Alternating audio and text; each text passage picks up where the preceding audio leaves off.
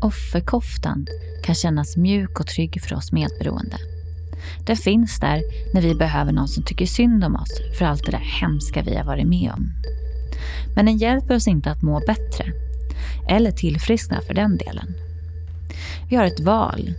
Vi kan ta av den och kliva ut i det som livet har att erbjuda. Vi kanske rent av kan bli lyckliga. Genom att sårbart dela med sig av sin historia inspirerar Viktor Åkerblom med sin slutsålda föreställning Offerkoftan andra till utveckling och hopp. Och tillsammans med Jessica Ekman driver han succépodden Jag är sjuk i huvudet. Förutom detta så kan Viktor titulera sig som skådespelare, regissör, programledare och föreläsare. Hans röst kan höras i allt från ljudböcker till dubbad film. Du kanske kommer ihåg honom från tv-programmet Let's Dance. Snart ger han även ut sin första barnbok, Trädplanteraren. Så ni kanske förstår varför det här avsnittet fick lov att bli lite längre.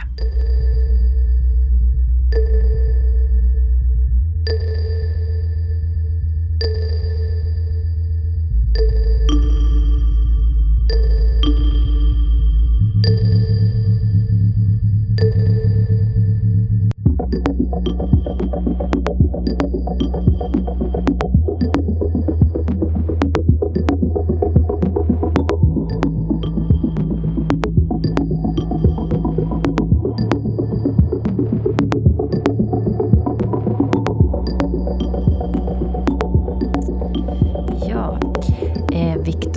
jag var ju såg din fantastiska föreställning Offerkoftan.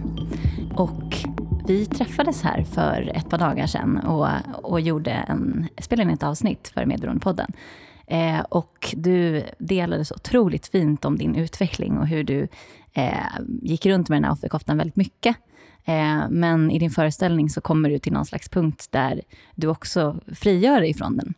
Eh, och jag var så otroligt inspirerad och kände att jag verkligen tog till mig det du sa. Och sen hände ju det här som absolut inte får hända. Eh, att filen blev så kallad corrupted. Alltså att eh, hela avsnittet, det vi hade spelat in, var borta.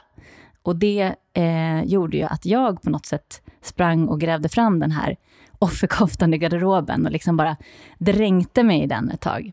Och så hörde jag mig till dig och berättade och du var liksom så här, ja men fan vad tråkigt, det händer. Eh, men positiv, liksom, att vi försöker hitta ett nytt datum. Och då var jag bara så här, wow, okej, okay, där fattar jag. Du har tagit av dig offerkoftan, jag tog på mig den. Så att jag blev inspirerad och kastade in min i eh, garderoben ganska på en gång. Men jag är jätteglad att du är här och att vi fick chans att prata vidare, blir det ju nu. Mm. Eh, men det där var ju min offerkofta. Vill inte du berätta lite mer om din offerkofta? Oh, Okej, okay. vi säger att den är, det är grå. Den är grå, offerkoftan. Och jag säger inte att jag har så här, förintat offerkoftan, för jag tror inte på att man kan förinta saker. Eh, det är också en del av föreställningen, att, att eh, vi har olika sätt hur vi hanterar eh, obekväma saker. Och en, ett sätt är att vi försöker förinta det. Liksom. Men jag tror inte på det. Jag tror att vi, vi måste se den här koftan, då, offerrollen. Vi måste acceptera den och, och förstå och förlåta och förstå, se funktionen i varför vi har, varför vi har haft den Eh, och varför den kommer kastande tillbaka eh, ibland. Och, och utifrån det, bara, okay, men nu är det inte Viktor som tar det här beslutet. Utan nu är det, nu är det en offerroll eller nu är det oh, stackars mig eller, eller vad det må vara. Så, så det är bara medvetandegöra och det har varit en lång process. Och det, det började i att jag eh, var i en situation där jag var tvungen att välja att antingen bara grotta mig ner och förvandlas till en offerkofta eller att börja välja en annan väg. Eh, men jag tänker på, ändå tillbaka på den här offerkoftan då. Den vill man ju såklart inte ha, tänker jag, oavsett hur snygg den må vara eller trendig. Så här. Men den är ju förbannat nog alltid där i garderoben och finns tillgänglig och sådär. Men du har ju ändå valt att döpa föreställningen till Offerkoftan. Och då undrar jag, varför fick det kretsa så mycket kring just offerkoftan? Uh, jag skulle säga att den är, den är nog inte trendig egentligen, offerkofta, på någon, fast den är trygg. Tryggare. Och, och Den är ett tryggt alternativ. Den säger aldrig nej. Uh, men man får heller aldrig ett ja. Det blir liksom ett, ett, ett vakuum av nja. Eller, eller, liksom, eller ja, nej. Man har ett hopp om att det kommer kunna gå, men, men det är lite som, som de här flummare som säger att de ska förändra världen imorgon. Jag ska bara eh, mecka en holk. Eh, det blir lite, offerkoftan fungerar ungefär på samma sätt. Vi tar det imorgon. Eller stackars mig. Eller och att den här korrumperade, liksom att, att den här filen var emot mig och, och, allt, allt vill mig illa. Men det är som det är. Det, eller hur? Ja, visst. Det går inte att förändra. Nej, och, och, det är bara att gilla läget. Det var så jag kände också. Det är klart det är tråkigt för det, det blir ju... Det händer ju någonting när man samtalar och det, det var ett fint samtal vi hade. Liksom. Mm, verkligen. Uh, men det går inte att göra någonting åt det och då kan man ju se att det finns någon mening med det. Att vi ses här igen, supertrevligt, mm. gott kaffe, mm. skön känsla. Varför jag döpte en föreställning till Offerkofta hade att göra med att ibland så säger man att när eleven är redo uppenbarar sig läraren.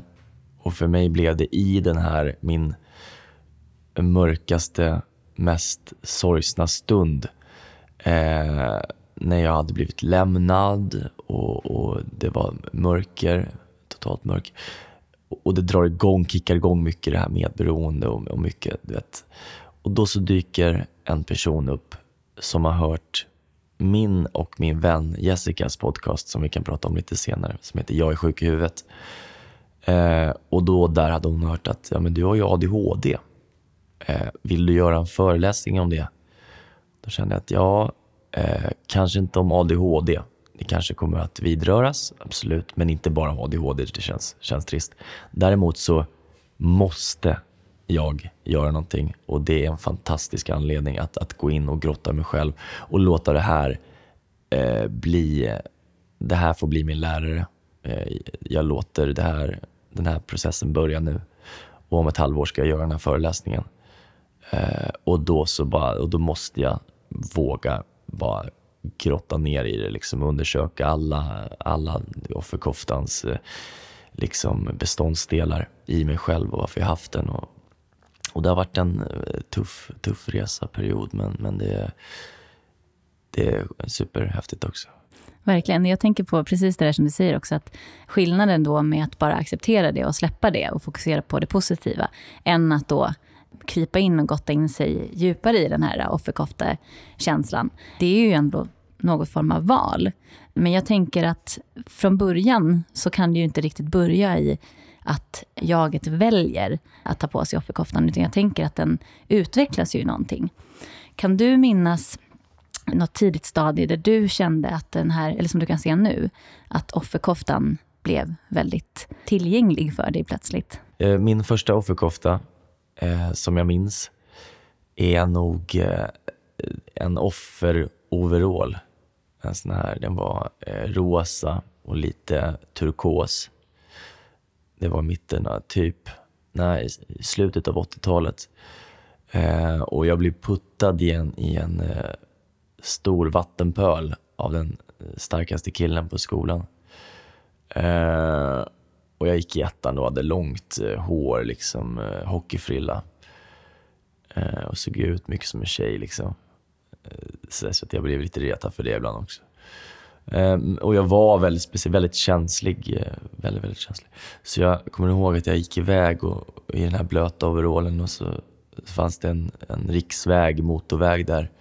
Jag kommer ihåg att jag, så satte jag mig vid sidan och tänkte så här, det kanske är lika bra att jag hoppar Eh, framför en bil för det, mitt liv är förstört. Det är liksom, jag kan inte gå tillbaka. Jag skäms så mycket för den tjejen jag var kär i, Jag hade tittat och, och liksom jag, det, var, det var för jobbigt. Liksom eh, det, det var ju skönt att jag inte, att jag inte hoppade. Men, men, men på tal man, jag var sju år och det är väldigt starka känslor och, i den åldern. Och, För mig då utifrån så låter det som att ah, det kanske inte var världens största grej att du hade en rosa overall och blev puttad i en vattenpöl. Eh, speciellt att det skulle leda till att du sedan skulle sitta och fundera över att, ens, alltså att ta ditt liv. Så det, jag tänker att det måste finnas några andra saker som har legat där och byggt upp det här. Och du nämnde om någon tjej som inte riktigt blev som du ville och eh, att du har varit kanske kallad för olika saker tidigare och sådär också. Eh, men varför tror du att du satt där och kände dig så ledsen så att du funderade på att ta ditt liv vid så tidig ålder. Istället för att exempelvis springa till en, en vuxen och bara jag är jätteledsen, det här hände mig och hjälp mig och sådär. Varför tror du att det, det blev så? Och det började nog tidigt för mig att, att jag kände mig väldigt mycket som en ensam ö. Uh, och inte... Det var ingen metod för mig, eller jag kände inte till the power of talking.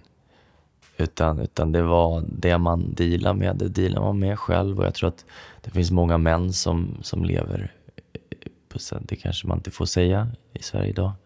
Men jag tror att det är vanligare hos män att, att män sluter sig eh, och inte pratar om saker. Jag tror, jag tror utifrån mig själv som du har sett mig som en väldigt öppen person och, och jag tror andra ser också som det. trots detta så har jag inte, har jag inte pratat så mycket om, om det som verkligen har, har behövts.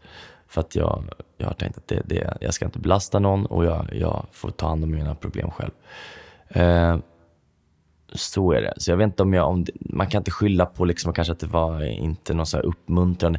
Det är klart, om jag hade haft en väldigt uppmuntrande, om det var, varit en sån kultur hemma i min familj, det hade liksom pratat, hur känns det? Och då eh, hade det kanske varit annorlunda. Mm. Men eh, jag tänker även liksom utifrån där, att det är märkligt att alltså ett barn kan gå och känna sådana känslor eh, och att ingen på något sätt rycker åt sidan och bara, hallå, vad händer med dig? Eh, det gör ju mig jätte, alltså det är väldigt ont i mig när jag tänker på det och just så liten. Du är väl inte ensam med att kanske haft sådana tankar att man eh, funderar över att man inte vill leva längre, men jag har svårt att tro att det är så många som känner det vid den åldern. Eh, och jag, jag, tänker just det där med, med offersituationen, som, i och med att du minns det som en, en situation där du kom i kontakt med den här offerkoftan. Och just det här att, att inte bli sedd och, och att inte kunna prata. Eh, därifrån, du tog ju inte ditt liv. Liksom. Du, du gick vidare. Och vad, vad hände med dig då? Vad, vad hände med offerkoftan efter att du hade kommit i ja. kontakt med den? Jo, men den här lilla overallen, den torkar ju liksom efter ett tag. Eh, men sen så, det är olika saker som, som bygger på, liksom, skapar material i en offerkofta. Eh, sen tror inte jag att jag är så tydlig. Jag tror inte folk ser mig som så här, oh, där kommer ett offer.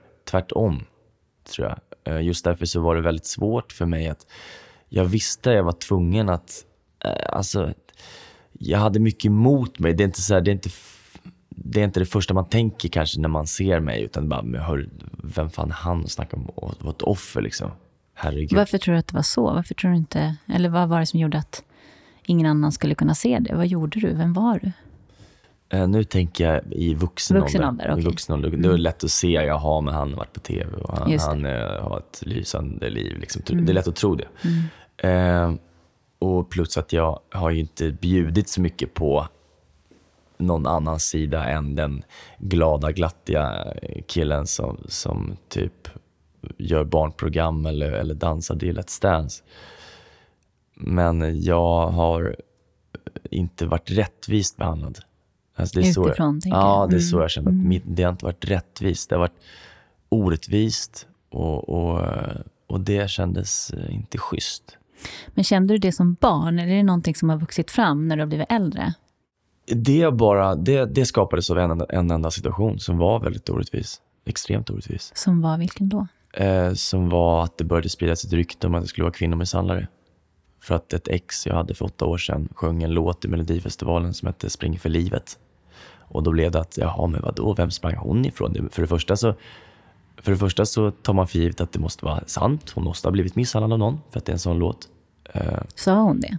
Att det var sant? Nej, hon sa inga kommentarer. Och det är väl det smartaste du kan säga om du vill att skapa monster. Mm. Eh, för då går folks fantasi igång. Oh, herregud. Och så var det ju. Och då, då, liksom, då blev det att, och det är väldigt få personer som, som skådespelare så ligger du i, i händerna, ditt, ditt, din karriär ligger i händerna på kanske sex personer, rollbesättare, som kan bestämma, ja men ska vi ge Viktor en chans eller inte?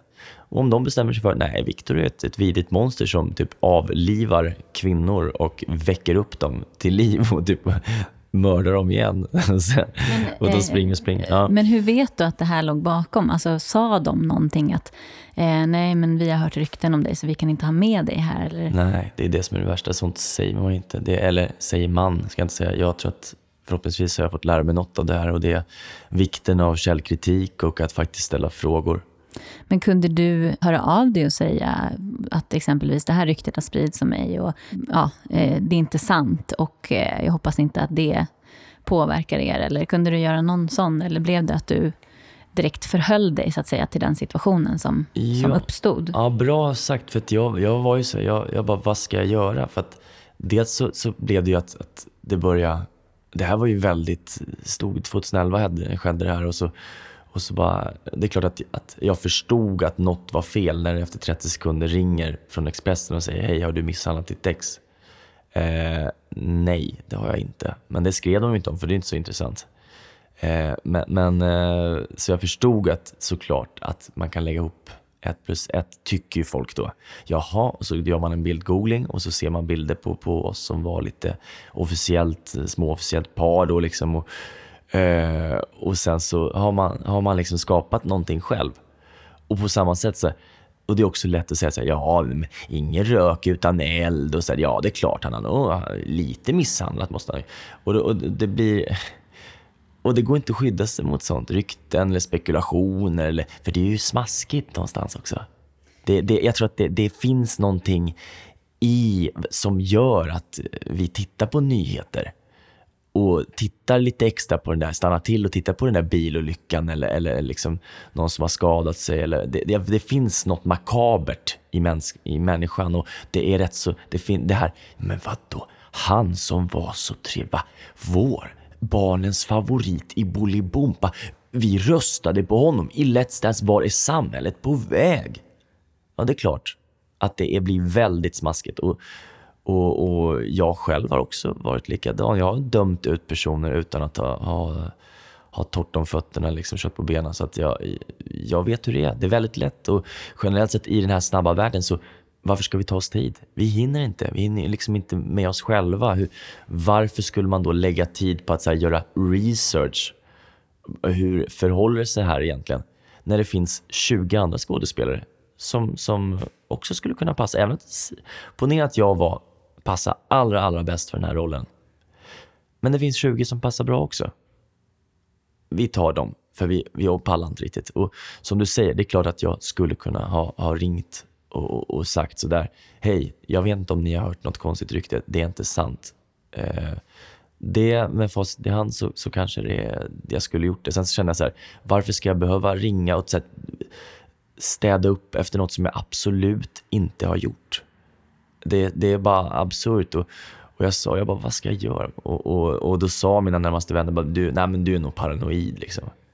Det, det är inte, fast och även att det inte var något så allmänt att var och en, liksom alla i, i Sverige gick och trodde det, så, så var det tillräckligt med att, att de här i min bransch då liksom, jag menar, det, det, jag fick inte provfilma.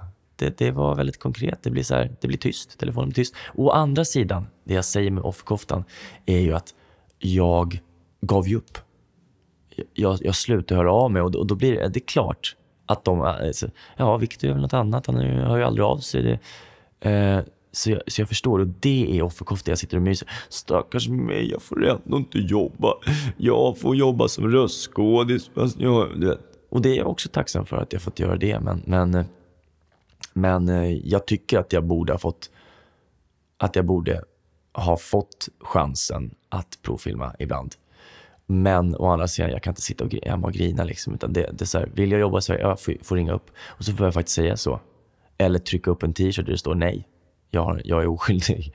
För du, men du gjorde inte det, du ringde inte upp. Nej. Om man tänker så här att du tänker att alla, eh, alla visste om det. Så här. För mig var det hade det här helt gått förbi. Jag hade ingen aning om det här exempelvis. Eh, och den, den, det jag får bilder av, det är ju att du är inte ensam, framförallt som manlig skådis, att ha fått de här ryktena. Det finns ju några väldigt stora Dramatenskådisar som inte verkar ha påverkats alls utåt sett. Så är de här fortsatt eh, synas i större för, föreställningar och så.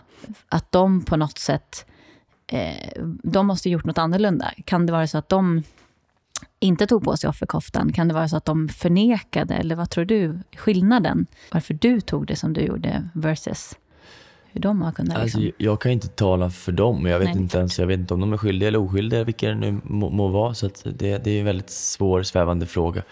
Jag kan ju bara ta det utifrån mig själv och, och jag tar gärna ansvar för saker jag gör, men inte för saker jag inte gör. Och, och att bli liksom ens misstänkliggjord för, för något så hemskt eh, blir ju väldigt absurt eh, att behöva gå igenom. Och, och jag, jag vet för att en del vågade fråga. Det var ett jobb jag skulle göra. Då blev jag så här, helt plötsligt så var det tyst. Och, och tystnad brukar vara, okej, okay, vad, vad hände här? Från att det var jätte, nu börjar vi jobba, vi börjar spela in nästa vecka. Så, och så, ah, okej, okay, kan du komma upp på kontoret? Och det går rykten om att du är kvinnomisshandlare här på jobbet. Och, och då sa jag det, bara, tack för att du frågar. Det var det första jag sa. För att de flesta gör inte det.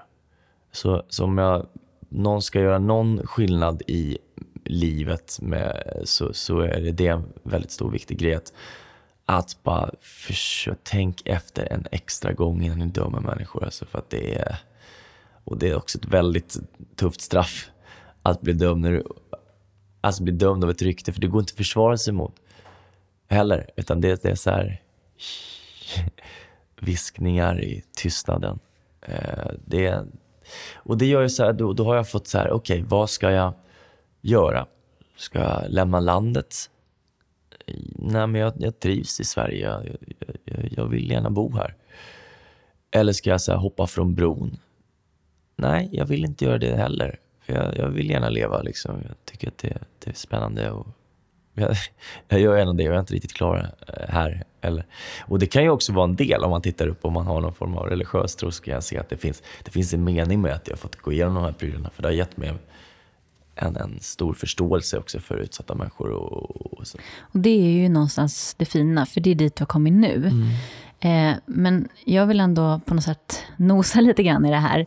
Eh, och jag tänker framförallt då, ja men skillnaden, du nämnde själv medberoende, det gjorde du även i, föreställningen. Och för mig är ju medberoende också att förhålla sig, anpassa sig. Och det är ju också så att eh, för dig, det hade ju krävts någon form av eh, mod och styrka att kliva ut och det här är inte sant och, och, och faktiskt eh, ringa upp som vi sa då exempelvis de här personerna. Men istället så kände du av tystnaden och förhöll dig på något sätt till den. Mm. Men det jag tänker på, samma sak där då, den här lilla Viktor eh, i rosa overall exempelvis. Jag tänker så här, om det hade synts väldigt tydligt på dig hur du mådde och vad du gick igenom och så här, så är det ju ganska stor chans att, att eh, någon faktiskt kanske hade sett dig och eh, tagit dig åt sidan och, och luskat lite vad som pågick där. Men varför tror du att de inte gjorde det? Var det för att du var liksom, lyckades dölja det så väl? Eller fanns det andra som hade det värre? Eller vad tror du att det var? Ja, det är nog väldigt... Jag tror tyvärr att det finns väldigt många som mår dåligt i skolan.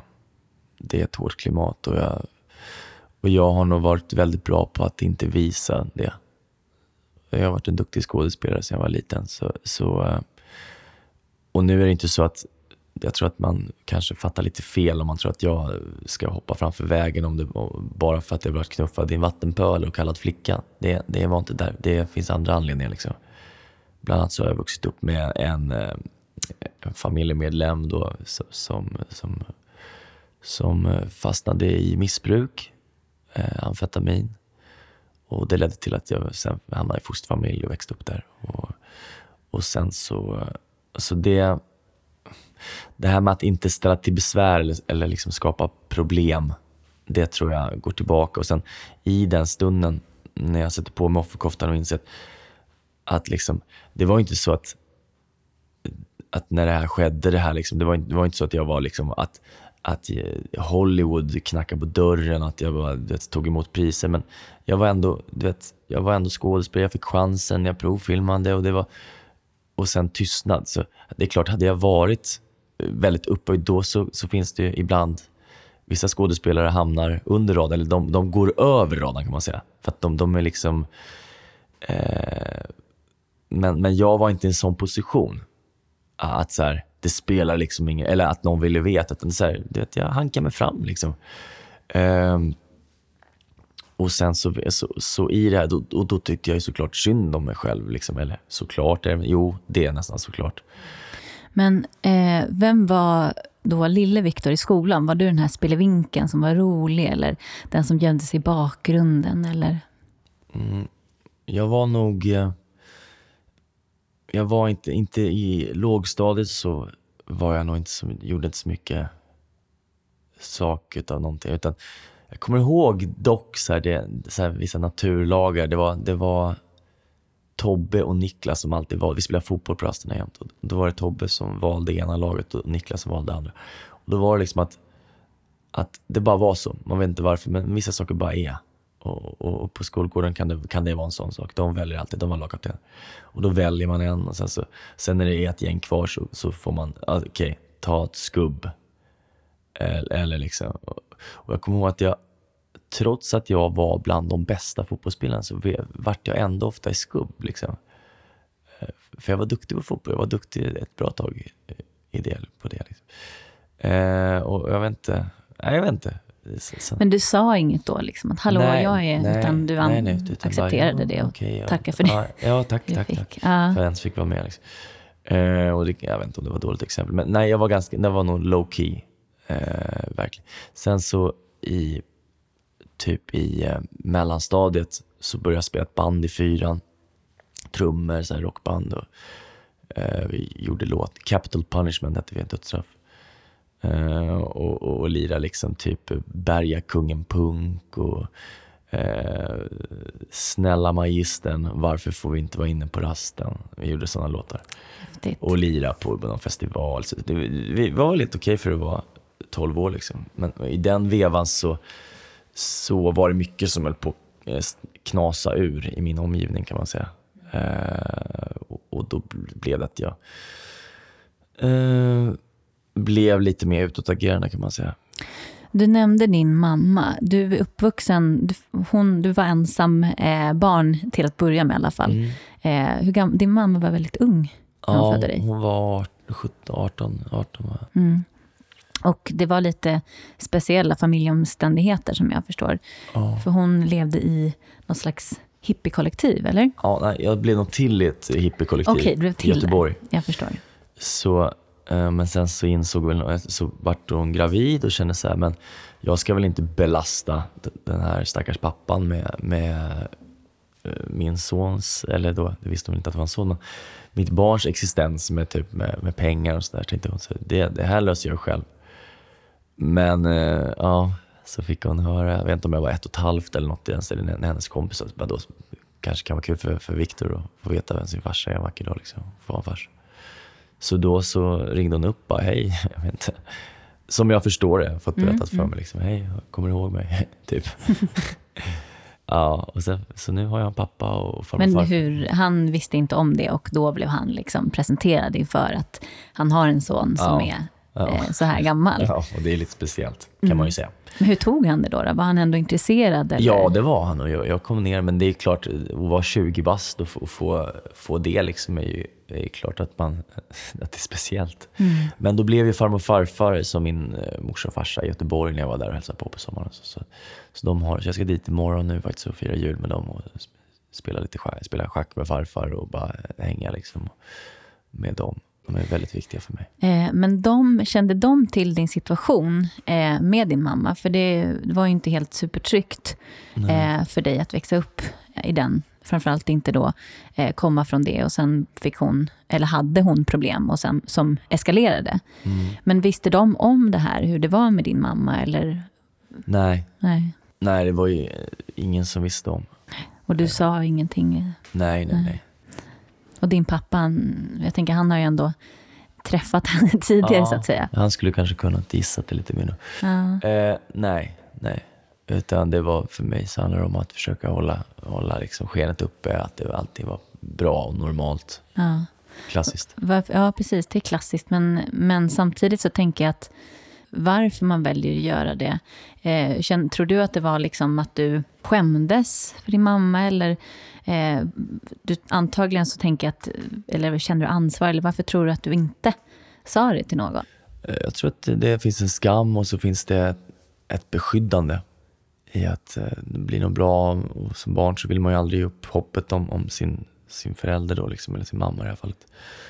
Och eh, jag gjorde ju vad som helst för det. Och, och också oavsett om min värld egentligen kanske var sund eller inte för mig. Det var det enda jag visste. Eh, och det ville jag skydda. Jag ville vara min mamma.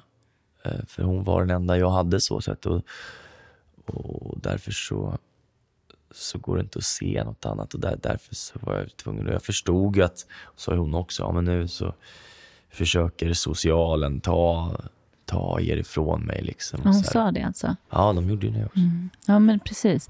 Men hur var din relation med din mamma då? Alltså, hade ni ändå fin kontakt? Eller var det väldigt så distanserat att du fick hålla dig på din plats och hon hade uppe, var uppe i, i sitt? Liksom? Eller hur hade ni för? Eh, alltså, som jag minns det så har det alltid varit väldigt kärleksfullt. Och, och hon har varit den bästa mamma man kan ha när, när hon valde att vara mamma. Fast sen så glömde hon bort mer och mer att hon var det ibland på slutet framförallt. Eh, och då var hon andra saker. Det är ju en, alltså om man pratar om eh, missbruk generellt så är det ju en sjukdom och det är en progressiv sjukdom så det blir ju värre. Det är så det fungerar. Men jag tänker ändå när du pratar om din mamma eh, så upplever jag ändå som sagt en kärlek och det sa du ju även nu hur du känner nu och sådär. Och för mig så det, det, är en dubbelhet, för det är precis som du säger, det är som att ha två mammor. Eh, alltså, eller tre kan det ju vara till och med. Men eh, den här, det finns ju en kärlek till, och framförallt tror jag, när man har att jämföra med den här mamman som inte är så härlig, så uppskattar man ju den här kärleksfulla mamman desto mer. Eh, och från, från, min sida, jag sa inte heller till någon, jag gjorde inte det förrän jag var ungefär 25. Eh, och samma sak där, jag pratade inte med min mormor och morfar om det här eller någonting. Eh, men jag kan minnas i skolan hur jag på något sätt, det var ju precis som med dig, en, det var en skam. Men också eh, mitt, så att säga, mitt eh, knep blev ju att jag såg till att vara jätteskötsam och såg till att bli omtyckt, åtminstone accepterad eh, av alla i skolan. Eh, och det där var ju hårt arbete, att hålla på och parera hela tiden så att man smiter undan de här eh, negativa sakerna. Men samtidigt, under ytan, så ville jag ju inget hellre än att någon skulle se hur det var med mig och på något sätt ta mig ifrån den här fruktansvärda situationen. Och det där är väldigt intressant, hur det här dubbla, att man på något sätt eh, både vill vara kvar och hjälpa och ha en del av det här fina, men samtidigt ta hjälp.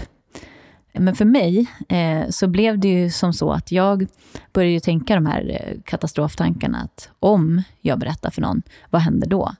Eh, tar de henne ifrån mig? Liksom? Kommer, kommer folk få reda på det här och det kommer spridas rykten?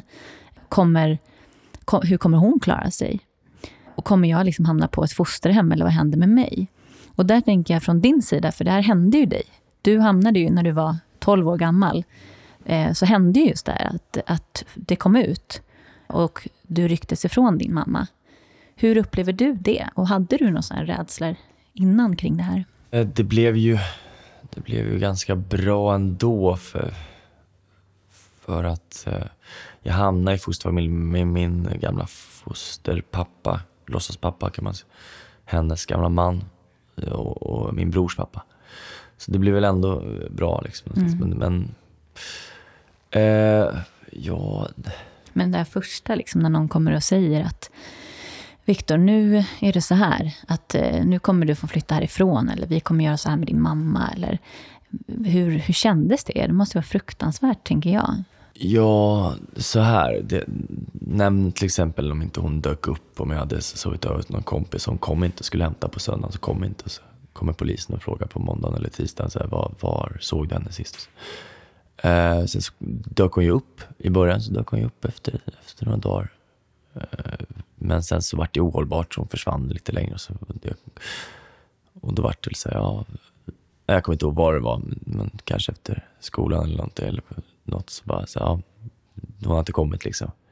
Så jag stod där och jag kommer ihåg någon gång efter någon fotbollsmatch, då var jag duktig på fotboll som jag sa. Och, och, och jag hade gjort några mål liksom. Och så, du vet, vi hade vunnit en match och alla var glada. Och så, du, och så skulle alla åka hem. De åkte hem bara, ja men är det okej okay, liksom? Så jag står där, jag kommer ihåg jag står där och det börjar regna. Och bara, ja men kommer du hem? Ja, mamma kommer snart. Och så, du vet, timmarna går liksom. Du vet, det, det var timmar alltså?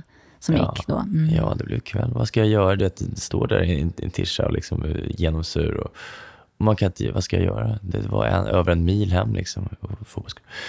Och så kom, ja nej, då hade hon, hade hon glömt bort liksom. Så. Men vad gjorde du då? då? Det... Nej, jag, jag stod där. Kom det någon till slut, antar jag? Annars ja, jag tror att det fyra timmar eller sådär. Så, så, så, det, det blir ju lite, det, det blir lite så vad ska man göra? Det ja. fanns inte mobiler och så heller. Det, så då kom hennes bror, min morbror, och hämtade mig till sist. För att då hade hon kommit på det då efter ett ja, hon hade just, kommit på det. Bara, shit, fan, hämta Viktor. Den här känslan också av att uh, ha gjort någonting bra och vilja på något sätt komma hem och berätta att, åh, oh, vet du vad jag gjorde idag? Liksom, och så slutar det sådär. Eh, det, det blir otroligt smärtsamt. Alltså jag känner verkligen med dig när jag hör det. Eh, jag har inte riktigt varit med om exakt någon sån situation. Men eh, för mig har det varit att jag har levt väldigt nära inpå. Ja. Men ändå hela tiden känt mig som att jag har varit långt borta. Eh, och, och, kanske samtidigt vilja fly bort från henne för att mm. slippa undan det där. Men vad var det som gjorde att de just då kapitulerade och eh, alltså någon klev in och bara den här situationen måste vi göra någonting åt? De försökte ju. Eh, Tidigare också? Ja, ja. och då var det var två rättegångar där de ville omhänderta oss. Liksom. Men hon, hon var ju väldigt vältalig alltså, och kommunikativ och, och verbal. Och superintelligent. Eh, alltså sådär, hon gjorde så grejer när hon, om hon var på en behandlingshem eller så, så brukade hon så bara så att göra IQ-test bara för att visa att hon kunde liksom, du vet, slå i taket på dem. Eller du vet, visa hur... Och det, det blir ju, det, vi har snackat om det nu, för att hon är frisk idag. Liksom. Det blev bra att om hon hade gjort andra val i livet, liksom, vad, vad hade kunnat hänt? Och det finns, ja. Mm, det är ju väldigt svåra spekulationer. Ja. Det är ju väldigt... Men det, där, men det känner jag också igen. Och jag tror att också generellt, många som missbrukar blir ju någon slags super, alltså mastermind, speciellt på att ta sig ur situationer, alltså manipulera. Eh, och min mamma var ju också väldigt intellektuell och verbal. Eh, men just det här att det gör ju saken värre. Ja, både för att sjukt. om man själv som barn försöker ta upp någonting så är det direkt ompratad så att du inte har någonting att komma med plötsligt. Nej, och om någon annan skulle försöka komma in och pysa hål på den där bubblan så eh, vet hon ju precis ja. hur hon ska liksom ja, fly undan det. Men då, du var 12 år och då hände någonting. Och då blev det också, tänker jag, offentligt för folk i din allmänhet, alltså vänner ja, och så, eller? Ja, det blev det. Alltså, jag tror jag var 12-13 år, 13 kanske, när, när jag hamnade i... För först så, så stack, försvann hon bara. Uh, och då så hamnade, fick jag bo ett tag tillfälligt då hos min bästa kompis och hans familj, som var som en andra familj nästan. Uh, Men du hade en bror då också, en yngre bror? Ja, ja. Och det var hans pappa? Som kom sen, ja, sen, ja. sen blev fosterfamilj. Ja, visst. Så, men det jag kan minnas är den känslan av att ingenting spelar någon roll. Den fruktansvärda känslan att, att jag har ingenting att leva för. Och, och, tänka, och, och det gör ju att jag har eh, jag har alltid brytt mig väldigt mycket om just barn och ungdomar och, och deras Alltså, efteråt eller även ja, då? Ja, men, nej, men, nej efter, mm. efteråt. Mm. För att jag vill så gärna att man ska kunna få... Alltså livet är ju en fest men du är inte alltid bjuden. Och, och, och, och eh, livet är inte rättvist, absolut inte. Men att du vet, ändå så gott som möjligt kunna ge liksom, kids en hyfsad chans. Liksom. Det är det är så små saker som kan göra skillnad också i den åldern. Det kan vara en enda person som står. För mig var det en person som stod, stod där och, och i den här stunden när jag bara kände okej, okay, skitsamma, ingenting spelar. Jag, jag rakade av halva håret. Säg att jag hade som frisyr som nu är vanligt. Bara rakade av halva håret på ena sidan huvudet bara dagen innan jag skulle börja sjuan. satte på mig en t-shirt det stod fuck off på. Så gick jag till skolan och hamnade i massa bråk. Liksom. Det blev så. Men för mig var det inte, det spelade ingen roll. För att du vet, niorna kunde ju vilja ge sig på mig liksom, för att de skulle liksom, vem tror att du är? Så, men, men jag var ju så totalt orädd så jag kunde, nästan, jag kunde bara stå och le åt dem och säga så du kan slå ut varenda tand i min mun. Och jag kommer bara skratta åt dig. För jag är redan död på ett sätt, ja. levande död. Mm. Jag tänker det är som ett alternativ när du redan har blivit utsatt för saker. Ja. Kanske när du faktiskt har varit ledsen och sårbar. Mm. Även om du inte har visat det så utåt då, som, som du kanske hade behövt mm. för att bli omhändertagen. så att säga. Eh, men då bara, okej, okay, men jag vinner ingenting på det här. Så det är bättre att jag bara eh, sluter mig och blir hård och liksom kämpar emot det här. Alltså jag tänker att det är en ganska naturlig också så överlevnadsmekanism.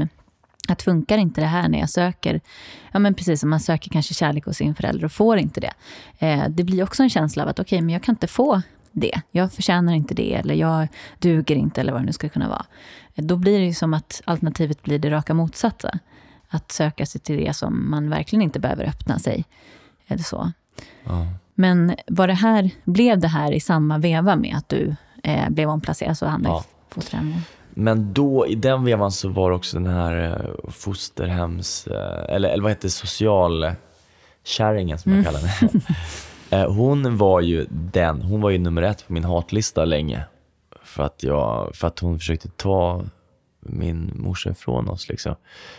Eh, men sen så när vi hamnade i fosterfamilj så var det lite mer, hon var ändå kvar och hon var så här, hon stod kvar och det var väldigt häftigt. Alltså, jag hade inte riktigt upplevt det förut. Att, att hon var så trots att hon visste liksom allting så, så var hon så nej men Viktor, jag, jag, jag tror på dig och jag, jag tänker liksom inte låta dig falla. Utan, utan eh, jag är här, jag är här. Och, och du vet, det var... Och vad vill, vad vill du, ja, vad behöver du? Och det var ju, jag var ju i kris liksom. Eller det var ju Eh, och då så upptäckte hon, så hade hon kontakt med något, något som heter psykodrama. Och då fick jag testa på det och jag bara okej, okay, okej okay då. Vad är syftet med det? Liksom att, alltså jag tänker, jag har ingen erfarenhet av psykodrama, vad är det? Liksom? Ja, det var väldigt bra för mig. Det, det handlar om att, eh, att du får gestalta, eh, du får berätta om en situation som du har varit med om. Som, eh, sen får du välja ut skådespelare utav de andra i gruppen. Eh, och så kan du få se utifrån. När de spelar upp någonting så kan man prata om det efteråt. Och du kan till och med ta rollen av den som kanske har gjort dig illa och få känna hur det känns att vara i dens kläder och, byta perspektiv. Och Du kan även ta rollen av dig själv ibland. Uh, att få gå in och säga, okej okay, nu, nu är jag Viktor för ett år sedan. Uh, och, och, vad önskar jag att jag hade kunnat sagt i den här situationen? Vad hade jag velat säga? Och det blir ett forum där man kan... Där man, det är allting är okej. Okay. Mm. Och det var jättebra och, och helt plötsligt så insåg jag att jag... Det här var ju jag... Fick mycket beröm för det och att jag, folk ville ha med mig och att jag var duktig på det. För jag hade ju gjort det hela, hela livet, mitt korta liv tills dess. Att, att jag liksom parerat och spelat för att allt ska vara normalt. Liksom. Mm. Spela för att överleva. Men det där, jag bara fick en så snabb uppenbarelse i huvudet. Hur, alltså när jag i alla fall var i tonåren så sa folk så här, spela roll, typ. Mm. Jag bara fick den här motsatta mm. känslan av att, så här, ja men precis. Eh, men spela roll då syftar man ju till att ja, men det spelar väl ingen roll. Ja. Men spela roll får ja. ju en helt annan effekt. Att, att på något sätt så här, jo men exakt, det är ju bara tragiskt. Så ja, ja jag har spelat en roll. Eh, men samtidigt så spelar livet ingen roll. Alltså det blir något så väldigt Ja, det blev meta. Dubbelmeta, ja verkligen. Men Eh, jag tycker det låter helt fantastiskt. Eh, jag har gått lite grann i något som kallas gestaltterapi. Och det, det kan man ju säga är, jag ska säga det så här, den vuxna varianten av det kanske, ur perspektiv att där får du sätta dig själv som barn på en stol och prata eh, till det här barnet. Gå in i en situation eh, och kanske, låt säga att en, en väldigt traumatisk situation där eh, min mamma kanske gjorde någonting som jag verkligen mådde dåligt av. Och gå in och på något sätt, eh, kanske som vuxen, ta mig själv därifrån eller säga att det kommer bli bra, krama om eller gå och säga till mamman att du, nu skärper du dig eller så. Det är också ett sätt att på något sätt gå in i situationen igen, men förändra minnet kring det och, och kunna bryta upp den här, ja men offret egentligen, det är faktiskt lite grann så. Jag tycker det låter som alltså, Ja. fantastisk form av terapi. Det där tycker jag låter skitbra. Jag, jag tror att jag har varit och vidrört eh, den typen av terapi också, gestaltterapi. Det, det, jag har något minne och det, ja, superbra. Obehagligt dock, för det är ju verkligen att släppa det som du gör nu. Men att för mig då som har varit väldigt kontrollerad så är det ju skitsvårt att bara Hej lilla Ida. Alltså det, är, ju- det blir otroligt obekvämt. Men samtidigt så är det ju väldigt starkt när eh, jag själv vågar gå in i det. Eh, och väldigt eh, träffande. Det går ju verkligen rakt in i hjärtat. Och ett sätt att liksom återuppleva jobbiga situationer, men att det inte bara blir den här bara jobbiga känslan kring det. Men, för du sa att hon var eh, från början en kärring eh, och sen började hon betyda väldigt mycket. Av mina, nu har inte jag egna erfarenheter av SOS på det sättet, men eh, från vänner och bekanta som, som har haft med SOS att göra brukar jag inte ha den eh, erfarenheten, utan snarare att det bara ses förbi. Ja, men lite så. Så jag tycker det låter wow. Alltså Vilken det, kvinna. Ja, fantastiskt. Och jag menar, jag, jag, hon kan ha liksom räddat mitt liv. Mm. Nästan på den nivån. För att hon, hon bara, du vet, hon ville inte ge. Hon bara, nej men det är lugnt, det är lugnt. Så är det. Eller, eller snarare så här, visa, visa vägen. Eller bara stå kvar. Jag står här. Jag är här. Mm. Jag håller i dig. Åh, fan, sluta. Nej men jag håller i dig. För du orkar inte just nu. Eller du vet, och, eller du kanske orkar men du vet inte exakt vad som är bäst för dig just nu. Mm. Så jag tar det här beslutet. Gå, till, gå på den här terapin. Liksom. Fantastiskt. Eh, så, att- och, nu, och vi är ju vänner nu idag. Ja, Alltså, ni är det. Ja. Mhm. Alltså det är jättehäftigt. Hon var och kollade på föreställningen och eh, min föreläsning, för jag är sjuk i huvudet, vi har gjort en föreläsning. Eh, I Norrköping så föreläste vi på psykiatriska veckan och avslutade den. Eh, och då så är, handlar det också mycket om att, eh, det handlar om henne en, en, en del. Det handlar om, hon blir en symbol för hur en person kan göra skillnad. Eh, och att man faktiskt kan vara den personen själv eller att man, be, man vet inte när man behöver vad det är som behövs. Liksom. Att, att det kan göra all skillnad. Alltså, eh, från att då, jag menar, i din situation verkligen inte lita på att någon finns där. Eh, och jag, om jag tänker på den situationen som du var då med din mamma, så eh, som jag sa, så var ju det en stor rädsla för mig att det skulle bli så om det väl blev offentligt. För att eh, det var ju någon form av trygghet, för här visste jag hur det var. Eh, skulle någon bryta det så är det otroligt läskigt, för där har jag ingen aning om hur det är. Men också då inte tro att det finns bättre, för att man inte har någon erfarenhet av det. Och att då ha en person när du är, hur, ja men om du liksom slogs och var världens eh, vilde, att hon ändå eh, stod där. Det är ju fantastiskt. Alltså det är ju verkligen, alltså stor eloge till henne. Faktiskt. Ja. Men du, när, när du var ute och bråkade, hur var det som, när det var som värst? Alltså du måste ju hamnat i väldigt eh, sårbara situationer. ja, absolut. Det, det kan jag minnas. Mhm. Men, men Du kommer inte på någon sådär specifik. alltså vi... Men även eh, lite äldre liksom så kunde jag, du vet, så här, idiot. Så här. Eh, Man har ju tydligen alltså inte så utvecklat konsekvenstänk tänk helt först du är 25 typ. Något så. Eh, och eh, så, jo visst, det är klart att jag kunde. Men jag tror att jag ändå var, jag hade liksom någon, jag hade en tro på att det skulle, du vet, ett hopp om att det kommer bli bra. Liksom. Det kommer bli bra. Men att dra, jag tänker om man är sån så drar man sig väl också till personer som inte heller kanske är jättesunda. Ja. Eh, I och med att du söker upp sådana destruktiva situationer. Det var väl lite så, säg så här, det, alltså 12 år, då var jag väl lite, nej men dricka alkohol och sådär. och Det, det kanske Det är inte helt, tidigt, ja. Ja, det väl rätt eh, Och så. Men, och liksom kanske, du vet. Men, men det där ändrade sig rätt snabbt alltså. Det ändrade sig för att jag fick välja. Jag hamnade i ett läge där jag fick så här, jag, jag insåg att jag måste välja nu om jag ska, och, och mitt val blir att om jag ska ta mig bort från det här. Eh, och jag visste ju att det började snackas då, liksom, du vet, i en liten stad. Jag kommer från en liten, liten stad. Bara, ja, Att du och Viktor är... Ja, men Viktor kommer gå i mammas fotspår och det, du vet, han är på glid och så här. Ni ska inte, du vet, umgås inte med honom, typ sådär. Och då blev det för mig, okej men då ska, då ska jag se till att sköta mig så jag kan komma härifrån. Och då hade jag upptäckt teatern liksom, så här, sagt, sakteliga. Genom den där terapin? Ja, typ, exakt. Mm. Och, och det var ju något jag var väldigt bra på. Så, så jag tänkte det här, det här blir bra. Liksom. Så, så jag kommer ihåg att jag, jag låste in mycket med min bästa polare typ efter det. Jag typ så här, spelade rollspel. Liksom. Och, och det blev ju en, en annan värld. Liksom. Där kunde man ju välja vad man ville vara. Lite som, jag tror att det är en klass, det är lite så här tv-spel idag. Liksom. Att, att folk gärna gömmer sig, att de kan vara vem de vill i tv-spelets värld. Liksom. Det är ju det är Thomas Ristrand då, som var här. Han pratade om det här just med medberoende, att vi, eh, det är ju en jättejobbig känsla att befinna sig i. Så att de flesta då utagerar i något. Eh, en del då i ett eh, bero, skapar ett beroende till någonting. Men även exempelvis ett, ja, men att exempelvis vrede. Att utagera i ilska eller att utagera i eh, att fly in. Nu är det ju jättemånga barn exempelvis som kan fly in i, i diverse sociala nätverk och, och sitta och bli totalt fast där.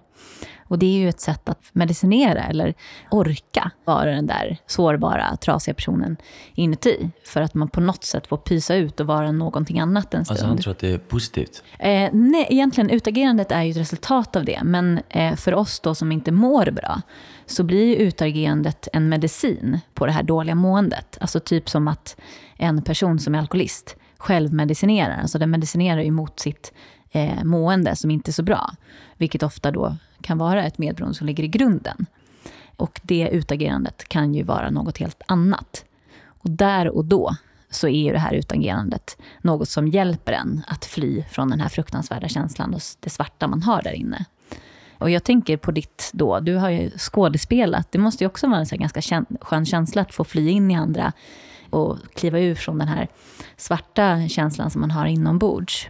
Ja, det är ju, jag tror att det är väldigt mycket så snabba kickars värld. Liksom. Det är like-samhälle och det är, vi, vi äter socker för att inte, för vi orkar inte gå ner. Vi orkar inte bli trötta, eller vi, vi vill inte. Men, men alltså, sockersamhälle på många plan. Vi vågar inte gå ner. Vi liksom bara stressar vidare och, liksom, och jagar likes. Typ. Just. Eh, det tror jag är livsfarligt. Men blev det lite det eh, med ditt skådespeleri? Att du eh, blev bekräftad och fick de här likesen lite grann för att du var duktig ja, på det? Ja, jag blev bekräftad. eh, Mitt ego blev bekräftat för att jag var, jag var duktig. Eh, och det blev ju min biljett till Stockholm och jag kom in på en skola, teaterskola och flyttade eh, 16 år eh, till, till Stockholm då och började plugga. Så det var ju fantastiskt. Eh, sen så kan jag ju känna att när jag, alltså jag har ju varit väldigt intresserad av att jobba med mig själv. Jag har ju vetat att det har behövts. Så att jag, jag stack till Indien och, eh, med enkelbiljett när jag var 20 bast. Och, och, och det var efter att jag hade eh, spelat in en såpopera och liksom fått inbjudan till röda mattor och kindpussar med Bindefält. Och, och, och bara kände att nej, men var det det här jag ville? Nej, det var det inte alls. Utan det, här, det, är det det här som man har eftersträvat? Nej, det är det inte. Så jag drog enkelbiljett till Indien och tänkte så här, okej, det, det kanske är munkens väg som är, är ment, menat för mig. Det raka motsatsen nästan, Ja, nästan där. ja Mm. visst. Ehm, och så jag bodde där på ett ashram i, i någon månad. Liksom. Hur var livet där? Alltså jag tänker, jag har ju aldrig bott där. Nej. Hur kunde en dag se ut liksom, när du var där? Nej, men okej, en dag då, då går en gong-gong. Ding, ding, 05.30. Så går man upp Eh, och så mediterar man eh, eh, i en och en halv timme. Morgonsasen. Det här var zen-buddhistiskt eh, ashram. Sen så efter det går man och äter frukost och allt, allt eh, de odlade allting själva så det var väldigt näringsinne. Och framförallt när man börjar meditera och blir medveten om sin kropp så, så behöver man, det är inte så att man, man vet precis hur mycket man behöver. Det är inte så att man vräker i sig mat bara för att. Liksom, det blir, man blir väldigt medveten om allting. Liksom. Det börjar i andningen och utifrån det så, så får du kontroll över det mesta. Eh, och det var, det stod en så här, det, man fick prata om man ville under lunchen. Men det var inte så många som gjorde för att det var, det var liksom inte så mycket att säga. Det stod silence is a part of life here. Så det, det var väldigt mycket. Sen så var det efter det, det frukost så var det eh, studier. Eh, då fick man studera olika, alltså, ja. Eh, sen, Som hade med det att göra? Ja, ja precis. Man fick olika böcker då utav mm. The Zen Master. Alltså han mm. rekommenderade, okej okay, nu är du här och här, nu ska du läsa den här. Eh, sen var det Samuel Zeva som var... Eh, allting var det på det här stället liksom feng shui eh, inspirerat. Eller det var feng shui och då, så då fick man så här, rensa en rabatt eller så här, du vet, göra, ja, fixa det.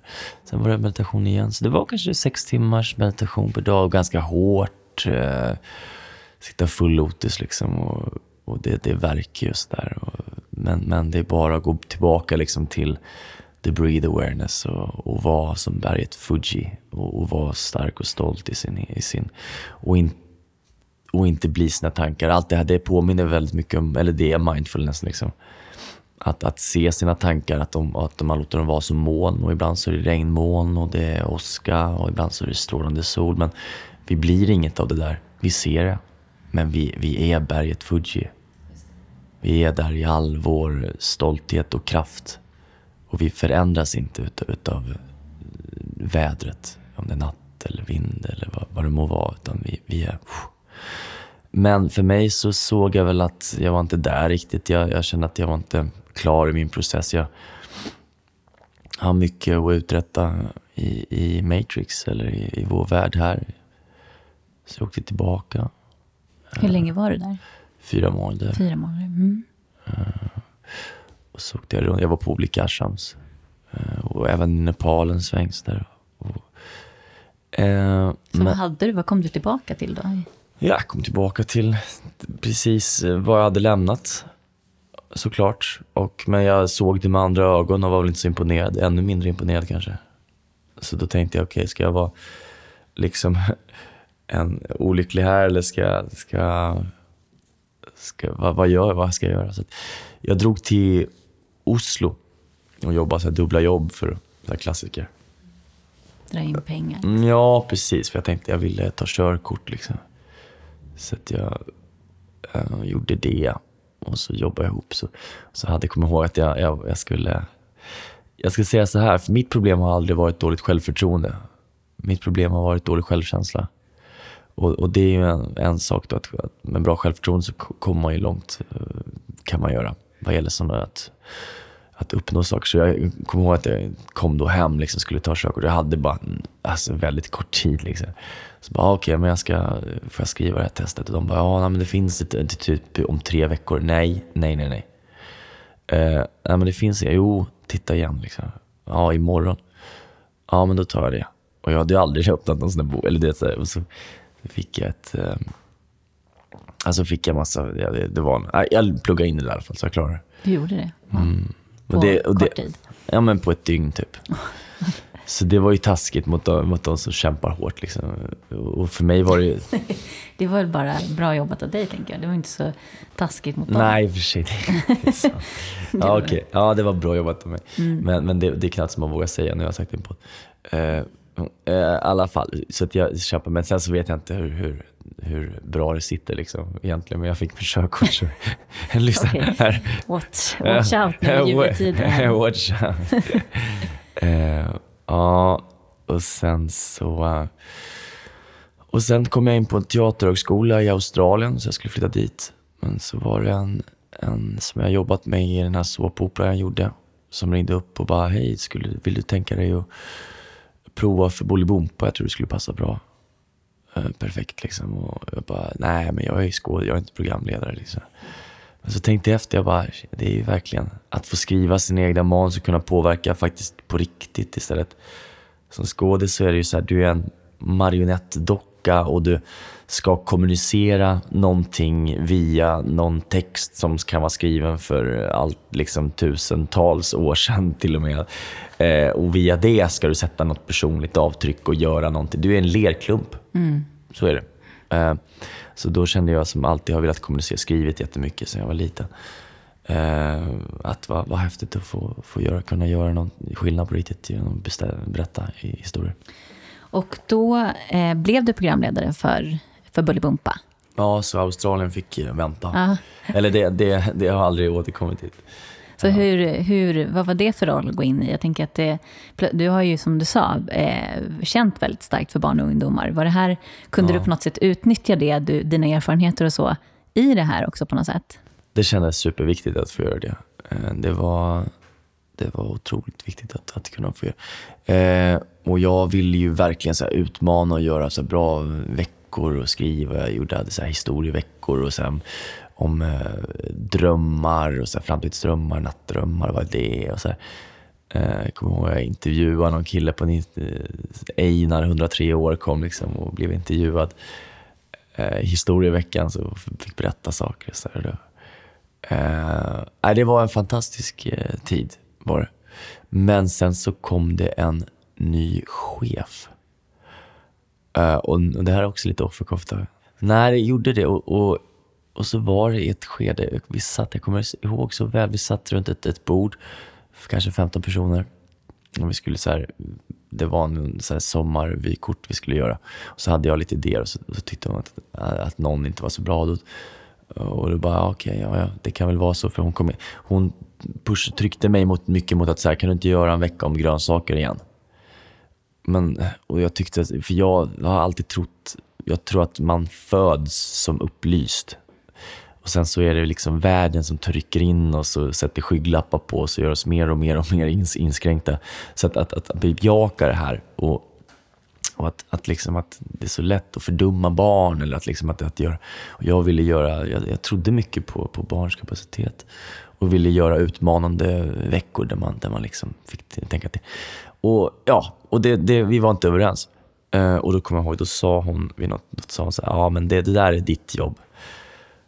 Och då, var, då, då hade det gått så långt. Och jag, så att jag kommer ihåg, jag tog liksom allas, för att det var... Det här har jag inte berättat om riktigt någon gång, men jag tog, det var som att jag blev rösten för, för alla, för att hon hade klivit in och, och var inte... Jag tyckte inte hon var bra. Det, jag tror inte någon tyckte hon var bra. Hon var på fel plats. Och vi hade innan haft en fantastisk eh, person som, som, som chef. Liksom. Eh, och då så säger jag så här, jo men vi sitter 15 kreativa människor här, kan man inte det? Och så sa jag, men jag sa det väldigt bestämt liksom. Och så var det helt tyst efteråt. Jag kommer ihåg, det, det var en sån här, jag visste att jag skulle bli avrättad. Det var, och jag var tvungen att bli avrättad för att statuera exempel. För jag satte mig upp mot överheten. Eh, och jag blev avrättad. För sen så fick jag, det, det gick inte många dagar innan jag fick eh, vart inkallad och, och bara, ja nej, men du passar inte riktigt in här i, i, i, i gruppen liksom. Eh, och det, ja. Hur kändes det då? Ja, det var, det var eh, hemskt. För jag hade levt med det där så mycket. Att, att allt jag gjorde byggde på, men jag reste någonstans så var det för att få inspiration till att liksom allting. Och, och jag kommer ihåg folk bara, ja men det där är ju en bra steg i karriären. Och, och, för mig har jag aldrig, det, jag har inte tänkt sådär karriärsmässigt. Jag, jag vill att göra precis det jag vill här och nu. Och, det var ju det mest ultimata jag kunde göra. Hur kan, hur kan ni säga att det är ett steg i karriären? Det, det blir så Det handlar o- inte om det. osmakligt. Det här är det viktigaste jag, jag kan tänka mig att göra. Jag, det, kan inte, det finns ingen viktigare plats att vara på för, för mig. Eh, Var det så att barn, alltså många sprang efter dig och var det bra tittarsiffror och sådär också när du höll på? Eller? Ja, det var alltså det var, det har nog aldrig, vad sa de, Ni- täckte 97 procent i målgruppen. 97, det, det finns ju inte. Och då var det, gick det på ettan, nu är det Barnkanalen, men, men det är all, aldrig kommer det att göras något som har större genomslagskraft i sin målgrupp, skulle jag vilja säga.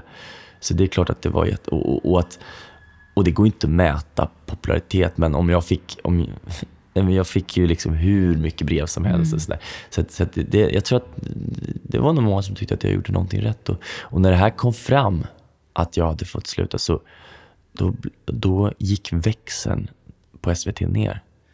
För folk blev så förbannade. Men det var inga, inga kommentarer. Inga kommentarer så att, Men eh, vad gjorde du efter det här då? För det var inte i samma veva som det här ryktet började spridas, utan det här var innan det antar jag, eller? Ja, ja visst. Eh, Det var det. Det var innan och jag, eh, jag gled, jag typ så här drog iväg, till, reste runt lite planlöst i Europa.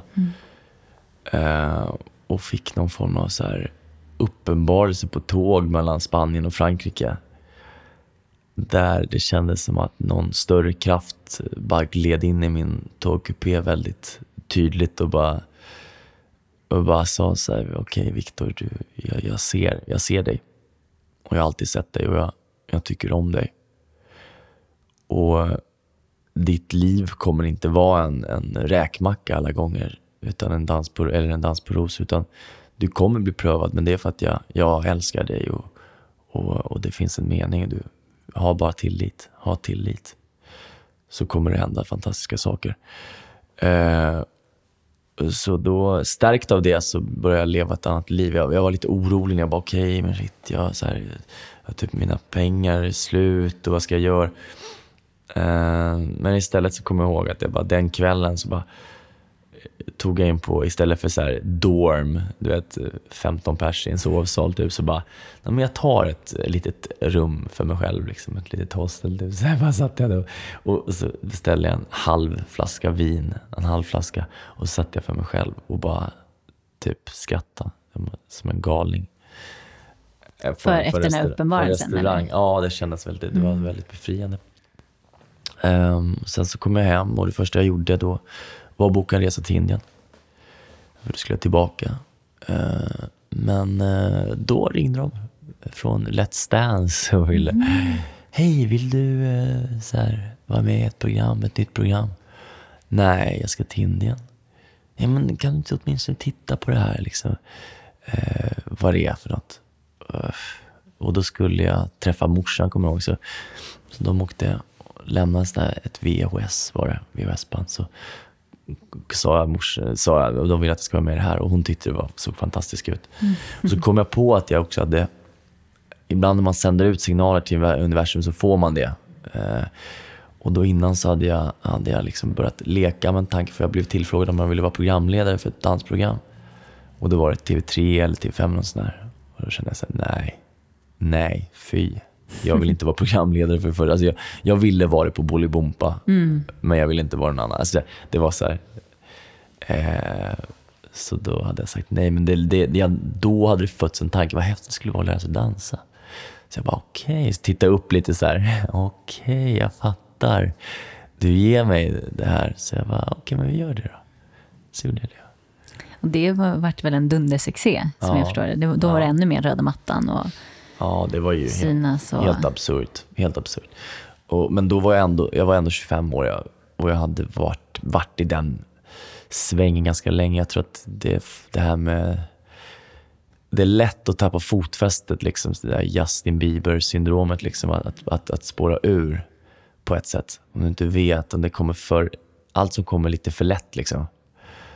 Eh, nu säger jag inte att det kommer för lätt. Alltså, han är jätteduktig, men, men, men, men man vet inte om det är, är det rimligt. Liksom, så eh, och, och, så det blir lite, ja. Så du kanske inte, du njöt inte så mycket av den här framgången? Eller? Nej, nej. nej. Jag tyckte mest att det var lite absurt och, och, och lite... Jag tyckte det var lite, lite hemskt hur, hur alla ville vara polare med mig helt plötsligt och, och, och, vara med på bilder och, och, liksom... Och, nej, jag, nej, jag kände mig utnyttjad. Jag kände mig som, jag vet inte vad, det var inte alls häftigt. Det var speciellt, det var, det var fascinerande att se hur det kan bli, kan, kan bli så. Um, men, men lite läskigt. Eller läskigt. Men sen så ja, träffade jag då den här, eller hon träffade mig. Hon, mm. hon ville, ja, hon kontaktade mig i alla fall, den här tjejen som jag blev ihop med sen. Mm. Um, och det var en, en relation, hur länge var ni tillsammans? Eh, nästan två år. Mm. Kände du att det, att det var på något sätt meant to be, eller hur var din känsla kring nej, det? Nej, jag, vill, jag ville inte först. Jag kände att, jag, men nej, jag ville inte. Utan jag, det var härligt att vara kompisar. Men det tyckte inte hon. Så då så, så började hon, privat, så började, började hon dejta en kompis till mig. Och, och, då så kickade jag någon sån här babianbeteende i mig kan jag se efteråt. Bara. Nu gör jag, jag, för er som inte hör, jag, jag dunkar på bröstet. Dum, dum, dum, dum, dum. Eh, att bara, nej men okej. Så då, och det var lite så här, nej men antingen eller. Så då flyttade vi ihop. Då, då flyttade vi. Hon hade ingenstans att bo, så då fick hon flytta in direkt. Och så, så att det, ja, Men för dig då som har varit också en sån som kan på något sätt vinna, så det är som att du vet att eh, du har ändå, någon, som du sa, det här självförtroendet. Eh, jag kan ju se det där att det blir som en slags eh, erövring, alltså så klassisk erövring, att liksom jag, jag ska få det här. Eh, men vad, i mina erfarenheter så blir det lite grann så här, vad ska jag göra med det när jag väl får det? exakt. Eh, och det där är ju väldigt så här, speciellt. För mig har det ju alltid varit så att jag, eh, eller som medberoende, så söker man hela tiden det där motståndet. För att då finns det någonting, en drift att kämpa mot. Men sen eh, när det där motståndet försvinner så eh, är det inte intressant. För då har man ingen slags, eh, man vet inte hur man ska förhålla sig till det. Eh, och, så jag vet, för mig har det varit väldigt mycket så att jag har eh, sökt mig där jag har fått eh, minst eh, ska man säga, bekräftelse. För där vet jag där finns det mycket att kämpa på. Och det blir som ett bevis för mig själv att jag duger om jag lyckas få den här personen att, att tycka om mig. Och det är ju, och sen om det blir så, så är det inte lika intressant. Samtidigt som att det blir bevis på att du är värdelös, att du, att du låter dig själv gå in i det och, och, och liksom att jaga någon som inte vill ha dig. Eh, precis som när du var kanske liten då, att du försökte jaga din mammas uppmärksamhet fast hon ville hellre ha alkohol och, och, och, och så. Så, att, så att jag tror att, man, att det kickas tillbaka, de, de sakerna. Eh, och, och istället för att ta kärlek där man har den. Liksom. För att man, vi, alltså, som medberoende är det inte enkelt. Det är svårt att förklara, vad är det? Liksom, att, att, att förstå det. Mm. Och just eh, för mig har det varit så då i och med att eh, jag kan ju verkligen känna igen mig här. Att jag har på något sätt slags förtroende i att jag kan prestera fram vad jag än vill ungefär. Men eh, så man blir ju liksom samma som ens förälder där, ganska mycket en mastermind så. Eh, som kan prata sig till det mesta och få till det mesta bara man vill det. Eh, men ur det perspektivet så kan ju jag se mina mönster så också att jag eh, kanske, både vänskapsrelationer och kärleksrelationer, så har jag då hittat personer, eller rättare sagt personer har hittat mig.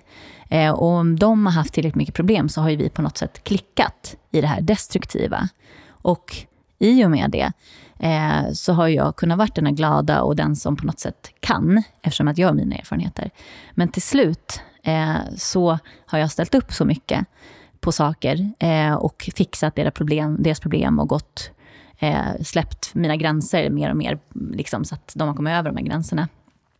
Och till slut så blir jag ledsen och besviken och eh, beter mig helt irrationellt ur det perspektivet att jag exempelvis eh, bestraffar, det här är ingenting som jag tänker ut, utan kanske bestraffar de här personerna, blir besviken, vänder ryggen och eh, ställer till en himla massa drama. Och där tar det ofta slut. Och sen så fortsätter det här. Och det är ju, eh, kan man tycka, en cirkel som är väldigt svår att, att komma ur. Men eh, det här eh, för mig har ju varit en jättestor insikt när jag har kommit i kontakt med det här vad medberoende är. Eh, För det här är ju verkligen någonting som många medberoende känner igen sig. Känner du igen dig i det? Och helt plötsligt har du ingenting att skylla på. det är det som är, är det farliga med att bli medveten, eller hur? Mm, verkligen. Att helt plötsligt så, så finns det ingen anledning. Och då säger du det är väldigt svårt att ta sig ur. Hur svårt? Offerrollen framförallt, så blir det ju, innan har Det- jag tyckt mig vara utsatt för saker. Men nu kan jag ju se att jag har ju betett mig på vissa sätt eh, som inte har varit helt okej. Verkligen inte. Och det är ju ett steg ur ett sånt mönster. Det är ju så svårt det är det. Det är precis som att sluta röka. Det är att sluta röka. Du slutar att röka cigaretter. Alltså på ett sätt. Sen så kan du kickas tillbaka och bli medveten. Men, men det börjar ju där. Och det, först och främst måste vi bli medvetna. Och det är ju du nu. Och just därför så finns det heller With great power comes great responsibility. Alltså så är det. Och, och with great knowledge så, så, så kommer också det där. Det, det kräver att det kan vara jobbigt, det är som att öppna en dörr. Om vi ser, vi ser vad som är där inne. Har vi väl sett det, vi kan fortfarande vi kan stänga dörren, men vi kommer alltid veta vad som var där inne i det där, i det där rummet. På ett sätt kanske det är viktigt att bara öppna upp den och gå in och städa upp där. Liksom. Och det gjorde ju du verkligen när du tog tag i det. Men hur länge var du, så att säga, hur länge varade din affär med din offerkofta innan du på något sätt nådde? För det känns ju som att man måste på något sätt nå någon form av botten eller någon, kanske en uppenbarelse som du var inne på tidigare, som gör att, vänta nu, vad håller jag på med? Alltså från att du exempelvis blev utsatt för det här ryktet eh, och du började få färre jobb och folk började vända dig ryggen och sådär. Hur länge var du fast i den där känslan? Eh, sen kan säga sen 2011, det var ju det, det var kulmen, februari då, när den, när det, den där låten kom. Ja, precis, för liksom tiden går.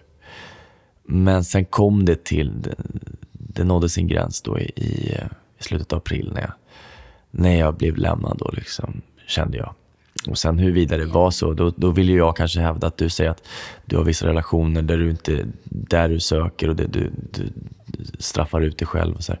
Det är mycket möjligt att jag gjorde eh, liknande sak. Eller framför allt så tror jag eh, en replik från, från offerkoftan är eh, och då är det när jag precis grottat ner mig, jag läser en dikt som jag skrev när, om, om hur jag hjälpte henne. Det här var ja. en annan relation, eller var det den tidigare? Nej, det, det är samma. Det, det är, det är en kärleksrelation. Mm. Eh, som jag blev lämnad i. Och då, då skriver jag alltså en, en, en, en, en dikt som heter Jag hjälpte dig att packa din väska. Läser upp den och så liksom bara göttar mig in i det och sen säger nej men vänta, vänta det här. Och där kommer egentligen vändpunkten från mörker till ljus i den här föreställningen Offerkofta. Att bara vänta, vänta, vänta. Nej, tänd ljuset. Det var, jag blev inte lämnad. Det var jag som lämnade henne. På samma sätt som jag lämnar alla relationer genom att inte våga gå in i dem. Jag har levt mitt liv med garden uppe, livrädd för att bli sårad. Hon stod med hjärtat i handen utanför min dörr och väntade på en inbjudan in i vårt liv, en inbjudan som aldrig kom. Eh, ja, på så sätt. Så att jag kan känna att jag kanske ofta har, har levt lite på ytan. Jag har nog kunnat ge intryck av att släppa in eh, människor, vänner, relationer, men inte, har inte riktigt gjort det. Liksom. Och det är ju där mitt stora arbete börjar, att, att våga vara sårbar och våga öppna upp, liksom, trots att det, kan, att det kan vara jobbigt. Och nyckeln till det är väl på något sätt också att tycka om sig själv. Att mm. på något sätt, då finns det ju någonting man vill bjuda in till också. Ja, men, men för din del, det känns ju som att du är en tänkare mm. och sökare. Eh, så jag antar att det inte var bara den här dikten som bara liksom fick, blev uppenbarelsen, utan du kanske har sakta men säkert närmare. Eh, men det är ju så här, på pappret som jag ser det, så är det ju en otrolig vändpunkt för dig. Eh, både, eh, var det i samma veva som du och Jessica startade den här mm. eh, podden, Jag är sjuk i huvudet? Ja, precis. Vi hade precis startat den då. Det var i samband med det här, så mm. vi hade börjat. Så i det här så bara så liksom rasar värld min värld. Och, och då blir ju Jessica blir där som, som den här personen som, som lyssnar, som står där och som håller mig i handen och säger ja, jag är här. Det är okej okay. och du får må dåligt. Och, och jag kommer stå här. Jag står kvar. Och jag bara... Men så, så vart det att vi började snacka i podden. Vi började prata podden och, och använde det. Så, så det, för mig blev det en, en, en, rening och en terapi. Det känns som att du har din andra hjälte där, hon socialtanten. Ja, ja, och sen har du nästa person här som står fast. Ja, ja precis. Fint, precis ja. så är det. Och, och sen dess, så nu har vi kört typ...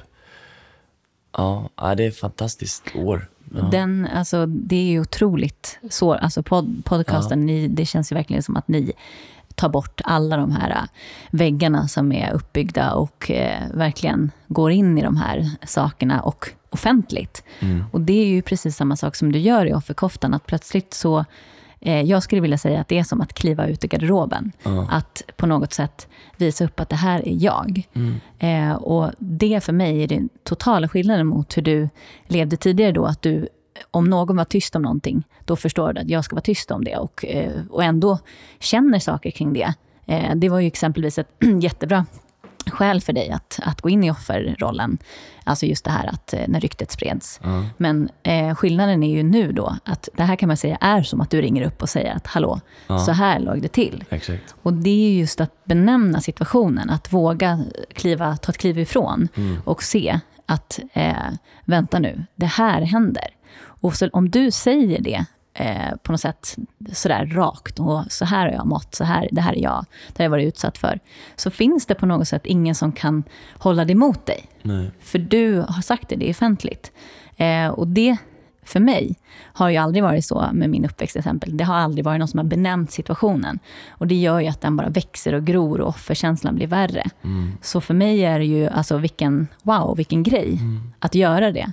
Att kliva från det där ångesten och offret ut i det offentliga rummet. Ja, och också att våga, våga, alltså ära den som äras bör och låt den som äger skammen bära skammen. Och, och det är ju en grej, att, att det, på tal om medberoende, jag, nej men det, att jag försökte skydda folk som har gjort mig jäkligt illa. Eh, och bara säga, nej men jag vill inte så här, varför det? Varför? När, när folk har byggt karriär på att smutskasta mig till och med.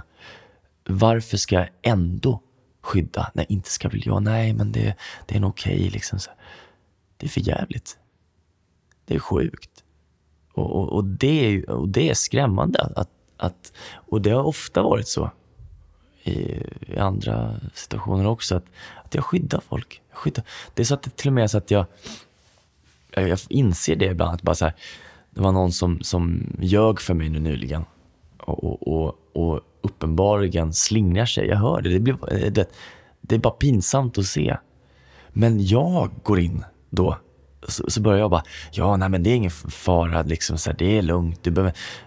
Och så bara kommer jag på mig själv, shit vad, jag, vad fan håller jag på med? Bär din egen skuld. Jag har inte gjort någonting i det här. Du, du har hundhuvudet. Bär det. Ta ansvar. Be om ursäkt eller gör vad som krävs. Men jag tänker inte liksom eh, be om ursäkt åt dig eller så här. Nej, men jag förstår. Ja. Nej, eh, man täcker upp. Eller jag har täckt upp för andra.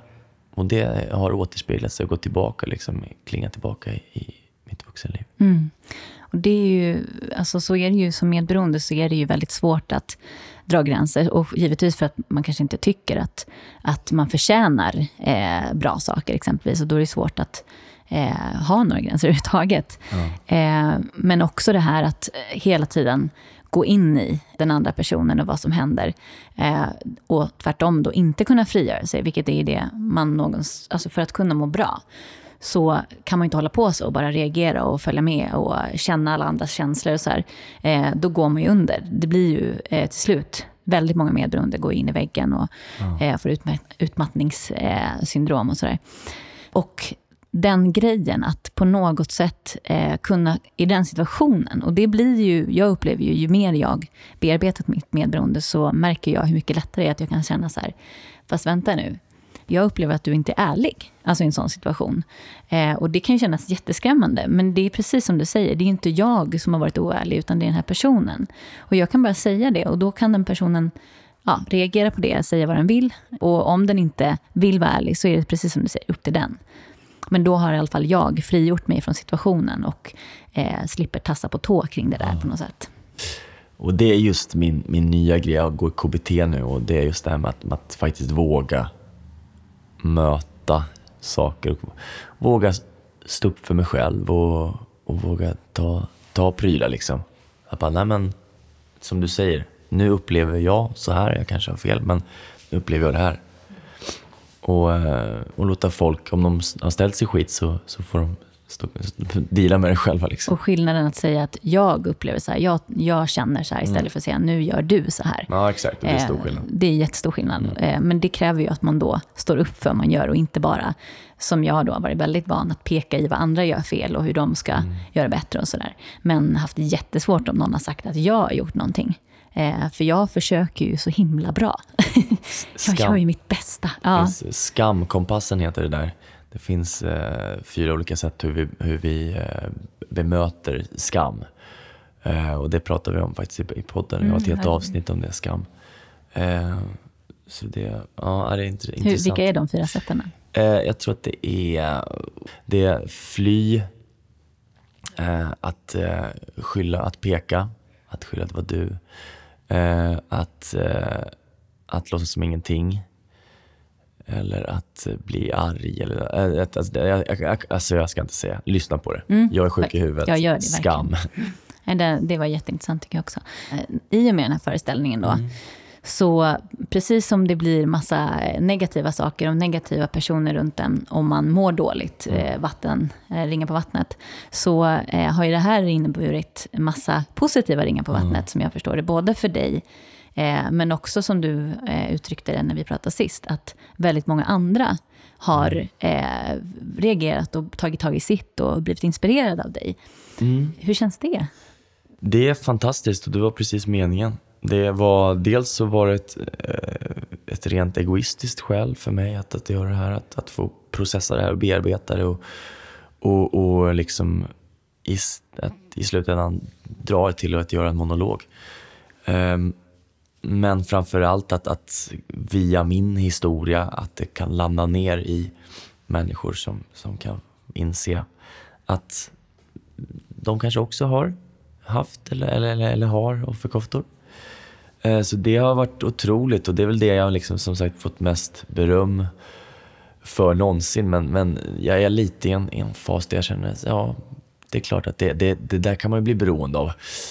Uh, I live for the applause, the applause liksom. Men, men uh, jag försöker se skillnad på vad som är ego-bekräftande och vad som, handlar, vad som landar ner i mig. Och, och efter sista föreställningen som var eh, otroligt härlig och jag avslutar varje föreställning med en Q&A att man får ställa frågor så det blir, och det blev, har blivit väldigt bra och, och intimt och härligt liksom. Och då så uh, var det någon som frågade, okay, vad händer nu liksom med föreställningen? Vart ska, vart ska du spela nu? Och så bara, ah, men det är inte säkert att jag gör det. För att jag känner mig ganska klar. Mm. Och att det kan få vara så, att det kan få vara klart. Att, uh, behöver inte gå vid. Så vi, vi får se. Jag, eh, det kan bli lite mer i april. Men det kommer, det kommer vara lite annorlunda då. Eh, såklart eftersom att jag är i, i, i en process. Mm. Det är ju häftigt. kan vi ja. gå och titta igen kanske? Ja, ja. ja, ja. Lite det, kommer, det, kommer, det kommer. Eh, men sen, det var ju faktiskt så att din mamma satt i fängelse. Ja. Och du nämnde ju att du ja. inte ska åka dit, till det fängelset ja, jag har fått En, fått en förfrågan och jag kommer nog säga ja till det. Det blir som cirkeln sluten där på något sätt. Ja, precis. Från Färingsö, ett kvinnofängelse där jag var några gånger när jag var och hälsade på morsan. Då, när jag satt där. Häftigt. Eh, din, hur är din relation med din mamma idag? Du säger att hon, hon mår bättre. Ja, hon är, hon är frisk. Det, hon hade några, hon, jag tror det var, jag tror jag var 16-17 när hon eh, liksom verkligen slutade. Så det var några år hon var ute och, och, och spårade. Men det, blev, det kom till ett skede när jag så många gånger hade, hade köpt hennes liksom, beteende, hennes uh, ursäkter. Och, och jag menar, hon menar det varje gång. Det kommer bli bra nu, Viktor. Det kommer bli bra. Jag är här nu. Och, och jag ville så gärna tro på det. Och jag, sätter köpte det varje gång. Och, liksom, och jag och min lilla bror, vi skulle åka och hälsa på henne på något liksom, behandlingshem eller fängelse eller någon tillfällig lägenhet. Eh, men varje gång så kom ju monstret tillbaka och tog henne. Och, och, och, det går till en gräns och för mig så, så var det ett, vid ett läge när jag bara, nej. Det krävs mer än att klämma ut en morsa för att få, eller för att klämma ut en unge för att kalla sig morsa. Mm, fint. Ja, precis. Och jag var tvungen att säga det, för jag kunde inte, det gick inte mer. Hur tog hon det då? Ja, det, det, jag vet inte. Det kan Nej, inte säga. Nej, men alltså, jag slutade svara i telefon då. Mm. Det, det, var min... Jag insåg att jag kan inte förändra henne. Utan, utan det här är hennes val. Det är inte mitt. Jag kan bara önska att det blir bra. Men, men jag måste, om jag ska kunna överleva så måste jag, måste jag klippa här nu. Och, och förlåta det som varit. Eller bara så här, okej. Okay, du har ditt liv och du gör dina val och jag måste göra, få göra mitt val och klippa helt nu. Så det gjorde jag och, och vi hade ingen kontakt. Eller hon försökte ringa oss där men jag, jag, jag svarade inte. På hur länge då? Mm, jag tror att det var något år. Alltså. Mm. Men det där är ju, alltså jag har ju också gjort i princip samma sak. Jag mm. fick ju också en punkt när jag kände att eh, det går inte längre. Eh, och när man aldrig då som barn heller har riktigt kunnat stå upp för att man har liksom inte den kraften. Man är helt beroende av den här personen, vuxna, den föräldern som, som det faktiskt ändå är. Mm. Eh, men för mig var det också en sån här grej att jag bara, nej, vet du vad, nu kan inte jag ta den här, det här beteendet en gång till. Eh, så vi har inte heller haft kontakt nu på, eh, ja det är fem år nu. Mm. Eh, hon har ju gjort sin resa neråt. Eh, men för mig var det lite grann, jag tror till och med att jag hoppades på att kanske hon når botten, botten nu. Hon har ju levat på botten väldigt länge, men just att nå under den och krascha. För att hon skulle kunna inse då eller? Ja, för att ja. det, för mig var ju det bättre än att hon skulle, det fanns mm. ju inte alternativet att det skulle bli bättre, för det hade man ju fått ganska många bevis för. Eh, men jag tänkte så att jag märkte på en gång att det blev, drog igång någonting. Eh, men samtidigt så kände jag så att det, det kanske är det här hon behöver. Eh, för jag har ju funnits där som en slags också en slags småräddning. Eh, någon hon kan liksom häva ur sig saker till och sådär. Eh, och vår eh, relation blev ganska infekterad. Jag hit, kom ju också in i det här martyrbeteendet och, och så. För det blir ju som en slags... Det finns så mycket eh, eh, liksom, harm och känslor under som eh, inte har fått kommit ut och luftas. Det gör ju att man börjar bete sig på olika sätt. Men jag tror att ja, hon nådde ju verkligen botten eh, i samband med det här. Eh, och jag kan inte säga att det är på grund av mig. Men eh, jag tror inte att jag skulle kunna ha hjälpt henne. Utan nu får hon ju hjälp därifrån det hållet som faktiskt kan hjälpa henne. Jag kunde inte göra det. Så jag önskar henne allt gott i världen. Men det är ju så att hon inte heller vill ha kontakt nu. Det är jag full förståelse för. Men jag älskar ju henne och jag förlåter henne för jag vet att det, det var en sjukdom. Det känns som att du mm. säger lite, ja. lite så också. Ja, precis. Alltså, det är ju konstgjord andning. Det är det. Sen så är det också, sen när hon blev bra så var ju det som en, så här, okej, okay, ett mirakel. Och då blev jag väldigt mån om att, att, att, uh, att wow, jag fick min mamma tillbaka. Uh, och det gjorde ju att jag ja, men till och med så här, köpte en, en hästgård för att hon skulle ha någonstans att vara. För att jag, skulle, det, jag vet att det här indirekt handlar om att då vet, vet jag att hon mår bra, att hon kan hålla på med sina hästar och, och sådär. Och, att, att, och då blev det också en konstig relation där, jag, där vi ska ha någon typ av företag tillsammans. Och, och jag kanske kände mig lite som en sån här... Jag kände mig som en kanske... Nej, jag vet inte. Nej, man ska inte blanda. Så här kan vi säga, man ska inte blanda för mycket business with uh. Alltså, pleasure. Nej, nej, men, nej, men fam, familj, liksom, det, jag tror att det kan vara känsligt. För jag kan, kan, kanske till och med så att jag känner mig lite utnyttjad ibland. Och, liksom. och det var ju bara för att jag lät mig bli utnyttjad. På samma sätt som jag, det jag tror folk kan ta min godhet för dumhet. Det har jag också pratat om i, alltså, i KBT, att, att jag att jag, nej, men att, jag, att, att jag låter mig ändå, eller har låtit mig köras över. Uh, faktiskt. Precis, för det är verkligen en skillnad. Att innan offret säger att jag har blivit överkörd, medan ja. ditt ansvarstagande vuxna jag kan säga ja. att du har gått med på saker som du kanske inte borde. Alltså, nej, precis. Så, så kan det ju vara. Och samma sak med... Mm, viss, många beteenden, till exempel en offerkofta eller offerroll, så alla vi människor har ju omständigheter som har skett i våra liv som gör att vi kan kalla oss för offer. Så vi kan alla ha alla ursäkter och, skylla på varför våra liv är som vi inte vill eller varför, varför det eh, men, men vi måste ju... Det är lätt att säga, att man faller offer, men ja, det gör man. Fast man låter sig på ett sätt, sätt falla. Liksom. Och det, det, det finns ju skittuffa omständigheter. Som, som bara, men också exempel på hur folk inte låter sig bli offer. Du vet. Ofta är det väldigt konkreta. Till exempel om någon eh, är liksom tredje gradens brännskador och liksom precis överlever eller bara så här, blir, blir helt förlamad. Och först då så bara, okej, okay, nu inser jag att, eh, att liksom det var det här och det här. Nu måste jag tänka om. Så, så istället så låter de det. Och på samma sätt blev ju mitt liv jag byggde mycket på att jag vill ju visa när jag var yngre så här, ni ska fan få se ni ska, jag ska visa att jag, att jag kommer greja det här, att jag kommer, att, eh, att jag kommer lyckas eller så. Eh, den drivkraften la jag av efter ett tag. Alltså, den släppte när jag hade jag fick min första roll på SVT när jag var 16 år. Och, vet, och sen fick jag min andra roll, andra provfilmning, eh, på såpopera. Och sen så, så det gick ju ganska bra, för det räckte egentligen med att få teaterstipendium och flytta till Stockholm för att jag hade bevisat att jag, inte, att jag grejer liksom. Det är okej. Okay. Då måste man hitta en ny drivkraft. Och visst, jag var ju duktig på teater och jag älskar det, men, men jag inser ju nu att det var ju en 13-årings val. Nu är jag 34 och, och, är det så att jag behöver, när jag frågar mig själv, måste jag skådespela? Det kanske jag inte måste. Däremot så vill, måste jag kommunicera. Mm. Måste, ja, jag måste kommunicera, jag måste skriva, jag måste, måste kommunicera. Eh, och det, kommer, det kan man göra på olika sätt och jag tror att det kanske i mitt fall kommer bli mer i form av skrivande och, och att, att regissera egna saker på sikt. Jag är väldigt nyfiken. Du har skrivit en barnbok som du... Eh, eh den ska ges ut snart. Ja, jag ska sitta nu på, faktiskt på tåget imorgon till Göteborg och göra för sista. Ja, det var klart med...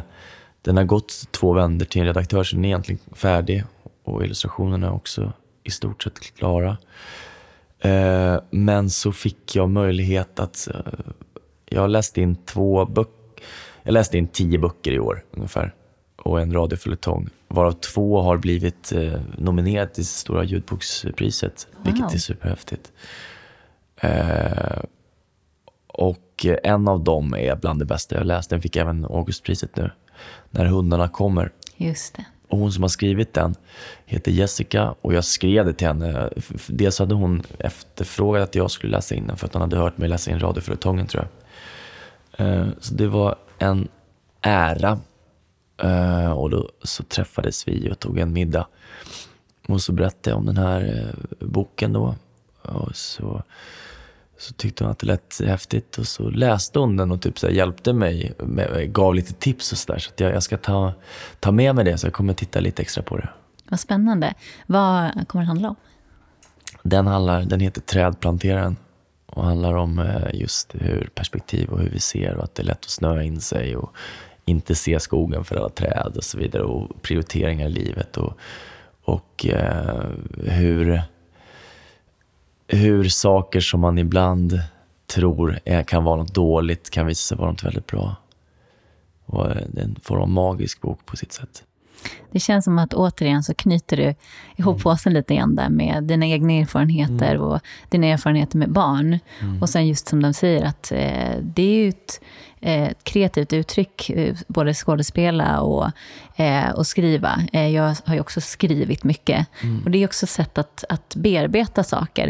Eh, men jag tycker det är väldigt fint, för det känns som att barnböcker och barn, eh, barnprogram, det känns som att det har en liten sådär fulstämpel. Och det är så tråkigt eftersom att eh, herregud, barnen är ju grunden till allt och de växer ju upp och om man kan ge dem någonting eh, som man själv kanske skulle önskat att man hade haft, så är det en fantastisk grej.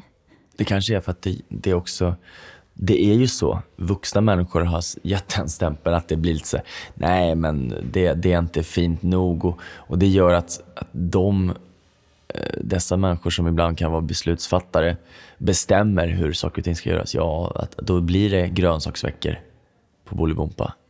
Eh, och då blir det eh, fördummande barnböcker som inte tar barn på allvar. Eh, och då blir, det, alltså, då, då, blir det vuxna som pratar bebisspråk med, med barn. Alltså, ja, det blir det man fastnar i. Jag läste någonstans också att eh, det skrivs, eller ges ut, ska jag säga, väldigt mycket barnböcker som handlar om exempelvis ja, med hemska, jobbiga saker. Men att barnen inte läser det. De gillar att läsa exempelvis Harry Potter eller sånt som är lite positivt och drömmande och spännande. Liksom. Kanske att det är så att det är eh, skrivet ur ett perspektiv att det här eh, ska barn få läsa än att det kanske är, eh, som jag upplever när du, känns, när du beskriver ditt syfte eller det, det du förmedlar, så känns det som att det är någonting som är på barnens nivå mm. och kanske inte eh, ur en vuxens perspektiv om, som försöker läxa upp barn på något sätt. Nej, så som jag när jag gjorde barnprogram också, det är snarare så att jag, det blir väl kanske vissa läxor till föräldrarna i så fall. Det blir på olika plan. Eh, det blir två olika perspektiv det, det, är den största behållningen. Eller det blir olika behållningar ska jag säga. Förhoppningsvis blir de lika stora och fantastiska på olika sätt. Eh, men det ska ju, jag tror att det kommer landa ner hos föräldrar. Och inte så, så dåligt samvete, men en liten wake-up call bara. Ja just det, shit. Är jag, Är jag trädplanteraren? Är jag den här som bara, som inte ser, som bara kör på liksom och inte stannar upp? Eh, så, så det tror jag är viktigt. Det är ofta, det är ofta vuxna som köper, de betalar ju böckerna, köper ju böckerna till barn också. Mm. Eh, det är också ett eh, viktigt aspekt att man, eh, att också där, eh, vad, vad är barnet intresserad av och, och inspirera det och, och tillåta barnet själv att få söka och utforska. Men hur känner du, du har inga egna barn? Nej, Hur känner du inför det då, om du skulle ha egna barn? Det känns som att det, du, du har ju sån otrolig kunskap och, och eh, sätt att förhålla dig till barn som verkligen når fram. jag längtar jättemycket fast jag måste ju hitta någon som eh, förbarmar sig i så fall. Bra, då har du bra. Slänger vi ut en Ja, liten tråd. slänger ut en liten tråd. Är det någon som vill? Nej, eh, som vill ta emot ett provrör så, Eller hur? Ja, det finns säkert många där. kan vi lösa det. Nej, men jag tänker att det är också en stor grej om du som har vuxit upp i det sammanhang som du har, eh, men vikten av att komma förbi och komma till vissa insikter. Om skillnaden om du hade skaffat barn exempelvis när du var kanske 20 eh, eller 18 eller vad det nu må vara. Så eh, hade ju du inte de här insikterna som du har idag. Men det Eh, hade varit fantastiskt ändå. Då också, det är sant. Ja, jag tror jag att menar- det, det, det, det som sker, sker av en, av en viss mening och, och det hade varit något annat, men det hade varit fantastiskt. Helt rätt. Och jag menar det som både du och jag fått genom eh, att växa upp kanske också leder till att vi sitter här med de här insikterna idag. Som många kanske inte eh, man säger, når den där kraschen på samma sätt om du har haft det okej. Eh, nu är det nog ingen som riktigt skulle uttrycka, eller väldigt få som kan säga att de har haft en bra barndom. Eh, men det finns ju olika nivåer på det förstås. Men vi ser fram emot det. Vad heter, vad kommer boken heta? Den heter Trädplanteraren. Och det är lite roligt för att jag ändrade det i en sista sekund. Det, det är inte, finns inget egen syfte i det egentligen. Men han heter Karl, jag heter Karl i mellannamn. Och han heter Karl som det handlar om liksom. Eh, och hans resa liksom. Eh, så det är ju på ett sätt mig det handlar om. Men så slog tanken mig, jag bara, men varför? Så här, det, det finns en problematik i att, att ofta kanske män, nu är det mycket kvinnor som skriver också, men män, män skriver om män och antagligen skriver kvinnor om kvinnor. Man skriver på ett sätt om, om sin, det man känner till. Så jag tänkte bara, men om man ändrar på det här, så nu har jag ändrat, så nu heter Karl Kar, Karla. Så jag har vänt på alla. Den svartklädde mannen blev liksom den svartklädde damen och, och, och, liksom troll, trollkaren blir trollpackan. Och, och, liksom så att, och alla roller, den här, den här pappan som jobbar för mycket är mamman som jobbar för mycket. Och, och, det är kul och det funkar men det, det blir lite att man, ifrån, man tänker, man, på vissa fall så hajar man till lite men det är bra. Det känns viktigt. Det är jätteintressant. Det finns många saker att prata vidare om där. Eh, men eh, sen är du aktuell. Du, just nu så spelar du i alla fall inte offerkoftan. Vi får se hur det Nej. blir. Det kan nog bli till april, tänker jag. Men, Men- nu ska jag till Los Angeles en liten Oh. sväng. Om några veckor. Men eh, ni fortsätter med podden, Jag är sjuk huvudet, Jajamän. som alla måste lyssna på. Det är Ja. ju underbart, tycker jag, och, och befriande att lyssna på någonting där eh, det pratas så öppet och att ni delar med er väldigt mycket av er själva. Eh, tack Viktor och lycka till med allting i framtiden. Tack så jättemycket. Tack. Gå för guds skull in och lyssna på Viktor och Jessicas podd Jag är sjuk i huvudet. Och håll utkik för föreställningen Offerkoftans eventuella återkomst i vår.